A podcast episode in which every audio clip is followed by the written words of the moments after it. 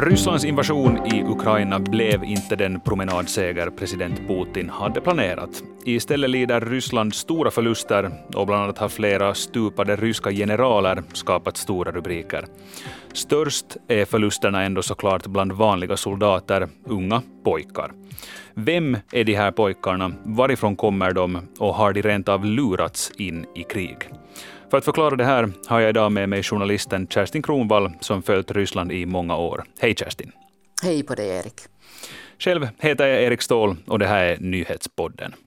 Ja, Kerstin, vi läser om väldigt svåra förluster för Ryssland. Tusentals döda på bara några veckor. Vilka är de här ryssarna som stupat? Nu måste vi ju hela tiden komma ihåg att, att exakt vet vi varken eh, antalet som har stupat eller vilka de är. Men enligt vad vi, vad vi kan se eh, av rapporter bland annat om begravningar i Ryssland så handlar det ofta om, om unga män och eh, de kommer för det mesta inte från storstäder utan från mindre orter och många av dem representerar också minoriteter i Ryssland. Alltså det har kommit till exempel rapporter om, om många stupade som har kommit från Burjatien och många från Dagestan i Kaukasien. Eh, så, så det är ett, så ett typiskt mönster också i det att, att de som gör militärtjänst i Ryssland ofta är sådana som kommer antingen från socialt utsatta grupper, från sådana som är fattiga eller för, från sådana som eller från, från minoritetsgrupper. Och till exempel när det gäller, gäller Dagestan där i, i Kaukasien så vet vi att, att eh, arbets lösheten eller chanserna att få jobb är väldigt små där och det betyder att när man blir erbjuden att få göra militärtjänst och vet att man får en liten lön för det här så är det många som nappar på det och det sitter också i den här kaukasiska bilden av hur, hur män ska bete sig. Det, det är en heder att vara krigare där. Just det.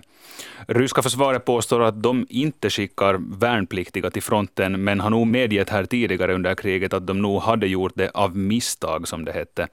Så vilka strider egentligen för Ryssland? Är det värnpliktiga eller yrkessoldater? Det är både och. Många är yrkessoldater förstås.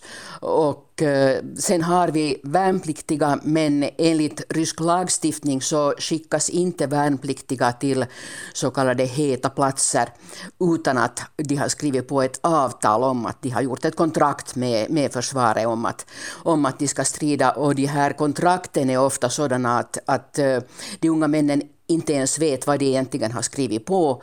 Och sen görs de här kontrakten upp väldigt tidigt, att, att många av, av de som har skrivit på kontrakt har tjänstgjort eller varit i militärtjänst bara några veckor eller på sin höjd några månader. Och det betyder att de absolut inte är beredda för strid.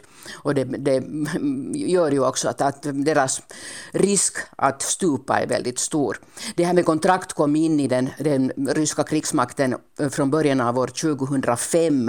Eh, före det så skickade man helt outbildade, oskolade beväringar till, också till krig.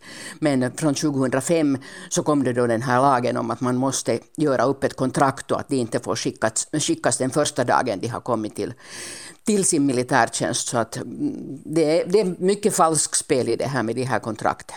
Jag vill lite ta fasta på det där att de inte vet vad de skriver på. Uh, vet du några detaljer om det? Uh, är det? Är det så kryptiskt formulerat eller håller man inte bara sen vad det står i det där avtalet?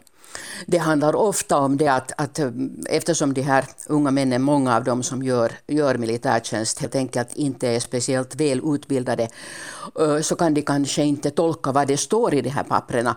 För det andra så ges de inte tid att läsa vilka papper de skriver under.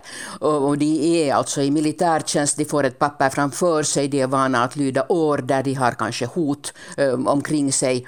Så de skriver på ett papper som de aldrig har kunnat ta ställning till. Det, det handlar liksom inte om att, att de får det här som ett erbjudande att sätta dig ner och läsa igenom det här och tänk noggrant efter om du, om du är beredd att, att godta det här, utan de får ett papper framför sig och så får de besked att skriva under här. Mm. Om den här utbildningen, då den här lagen kom 2005, men, men spelar den egentligen någon roll? Vad vet vi nu om de stridande på den ryska sidan? Skickas soldater utan någon desto mer utbildning till fronten? No, det vet vi ju inte. Det, det, är troligt att de har fått åtminstone några veckors utbildning, men det räcker ju absolut inte till.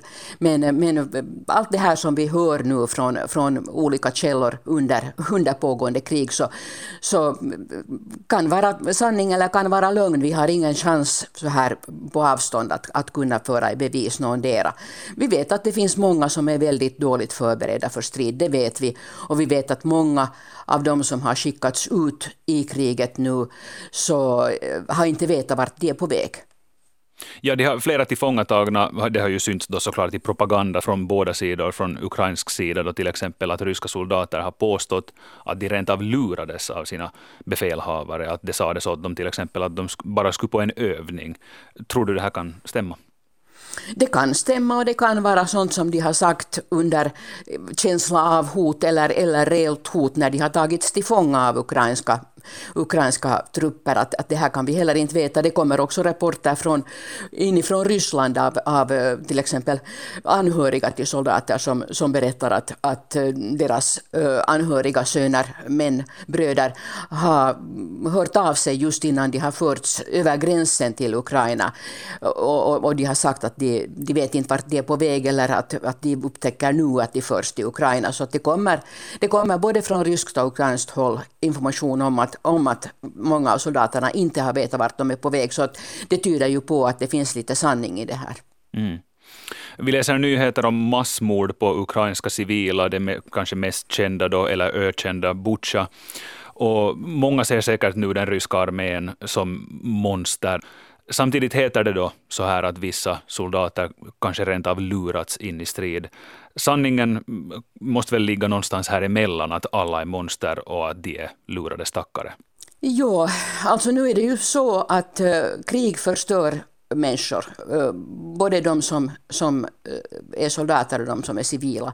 Krig eh, gör att soldater, särskilt om de är dåligt utbildade, blir helt enkelt brutaliserade och utför monstruösa handlingar. Vi vet inte på vilka grunder de gör det. Vi vet också att det finns sådana riktigt obehagliga specialstyrkor från, från Tjetjenien bland annat som, som har som sin, sin främsta utbildning att, att mm, begå fruktansvärda illdåd mot, mot civila. Eh, så att vem som egentligen, liksom, vad det är som ligger bakom de här monstruösa handlingarna kan vi inte veta, men vi förstår ju att, att eh, det krävs Eh, antingen fullständig eh, desperation och, eh, och barbarisering för att utföra så fruktansvärda handlingar som, som människor utför i direkt konfrontation med civila.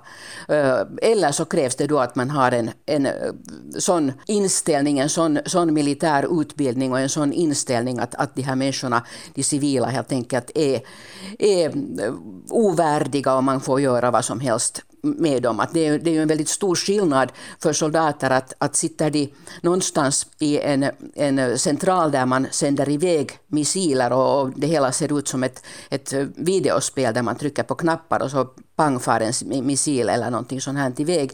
Eller är man faktiskt där på plats som till exempel i Butja och konfronteras med enskilda människor, med, med barn, med, med gamla, med, med vem som helst och då utför fruktansvärda våldshandlingar eh, rent fysiskt i kontakt med de här människorna.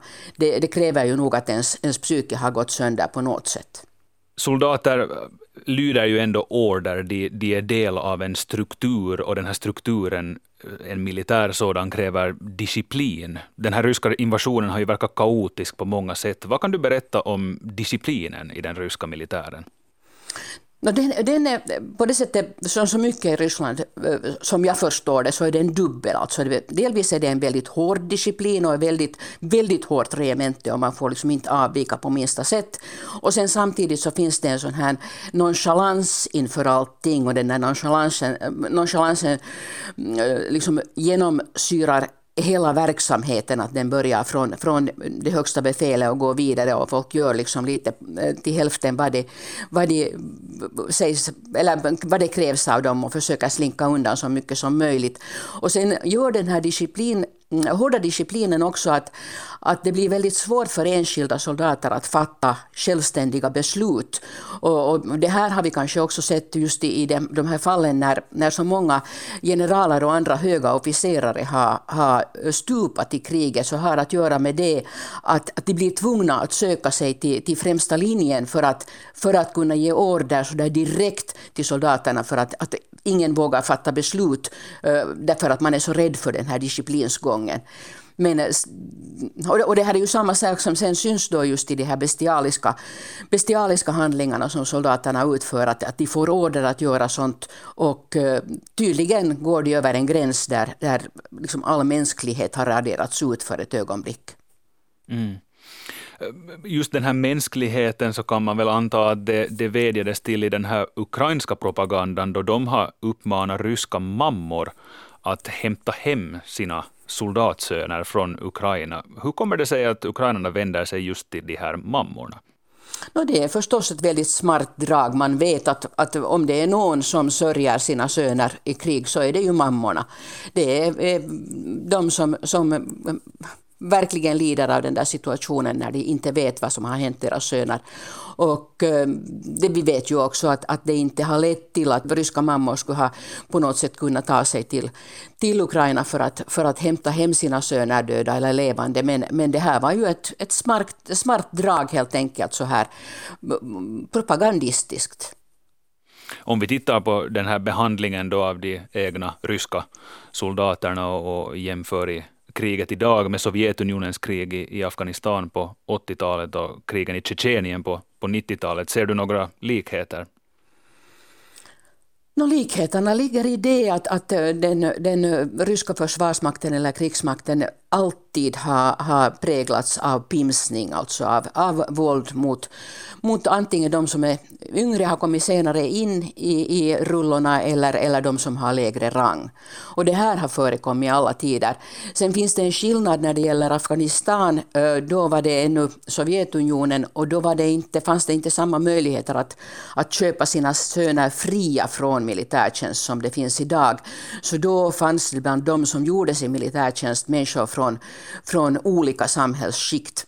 Medan, medan redan i Tjetjenien och, och särskilt nu under de här senare krigen så, så har det varit möjligt för uh, den som har pengar och, och, kontakter att köpa sina söner fria, vilket har gjort då att just det här Eh, de som verkligen gör sin militärtjänst ofta kommer från utsatta grupper som inte har haft råd att betala några tusen, några tusen euro för, e-, för ett eh, läkarintyg till exempel som, som ger vid handen att den här mannen inte är duglig för, till tjänst. Men att, men att mycket är ju, är ju likadant just genom att den här pimsningen och det här, det här liksom, uh, föraktfulla förhållande, för, förhållningssättet till unga män finns väldigt starkt präglat i den, i den ryska, ryska krigsmakten. Jag har också stött på enskilda soldatanhöriga som på sociala medier vänder sig direkt till president Putin och kräver ekonomisk ersättning för, för att deras söner, bröder, pappor har stupat. Varför gör de så här?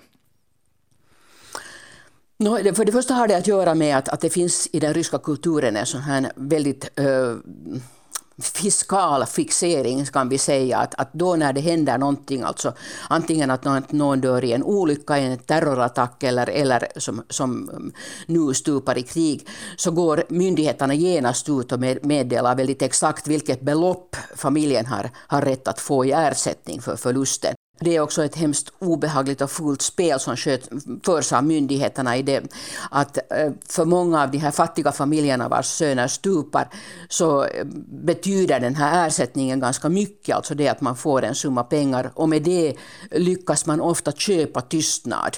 Och det har också att göra med att, att det är sällan mm, eh, det kommer många soldater från samma by eller samma lilla stad. Och det gör att, att de, här, de här föräldrarna eh, eller andra anhöriga är väldigt utsatta. De har liksom ingen, ingen eh, gemenskap, de har, det finns ingen stor grupp som tillsammans kan börja protestera, utan, utan man köper helt enkelt de här ens, enskilda uh, människornas tystnad, människor som har drabbats av djup sorg, så, så köper man dessutom deras tystnad. Mm. Som vi konstaterar här, det finns en hel del som tyder på att soldater kan ha lurats till fronten och du nämnde också de här problemen redan inom den ryska värnplikten, pimsning, misshandel. Det förekommer också en hel del dödsfall inom, under de här värnpliktsperioderna. Om Försvarsmakten behandlar sina egna soldater så här, vilken betydelse har det för stridsmoralen? Det här det är ju svårt att säga vad som har en betydelse för, för vad, för att man måste liksom då definiera att vad är egentligen en stridsmoral, att vad, vad handlar det om? Men det är klart att har man dåligt utbildade eh, soldater som dessutom har behandlats illa, så finns det, är det ju inte särskilt motiverade att göra, utföra det uppdrag de har. De blir också farliga för sina kamrater i strid eftersom dåligt utbildade soldater alltid är liksom en större risk än en tillgång i strid. Så att, att det, det, kan ju också göra att, att man undviker att ge sig in i alltför svåra lägen om man inte litar på sina kamrater. Men det här är, när, man, när man på avstånd följer det här och, och, inte kan veta exakt hur det går till så är det väldigt svårt att uttala sig om det. Men att eh, det finns ju aldrig en lika stor strid, eller lika hög stridsmoral eller vilja att kämpa hos en anfallare som hos en försvarare. Så där ser vi ju en skillnad då till den, till den ukrainska, ukrainska försvarsmakten där, där man försvarar sitt eget område. De ryska soldaterna är inne på någon annans område och, och känner eventuellt inte att de är ute på ett viktigt uppdrag. Mm. Och just det här undermålig utbildning leder till större risker och en eventuellt sviktande stridsmoral. Tror du det kan ha någon avgörande påverkan på, på Rysslands invasion i Ukraina? Säkert påverkar det. Eh, det gör det helt säkert. Men, men vad som kommer att ha något avgörande är ett krig som har pågått nu i en och en halv månad eh, och varit fruktansvärt grymt, varit, varit förfärligt grymt hittills och, och där man inte har skytt att använda några som helst medel för att, för att faktiskt skada civila i Ukraina. Så det är omöjligt att säga hur det kommer att gå vidare och vad som kommer att vara avgörande. Tack för att du kom hit idag, Kerstin Kronvall. Du har lyssnat till nyhetspodden från Svenska Yle. Jag heter Erik Ståhl. Tekniken sköttes idag av Max Kivivuori och nyhetspodden produceras av Ami Lassila. Fortsätt lyssna på oss.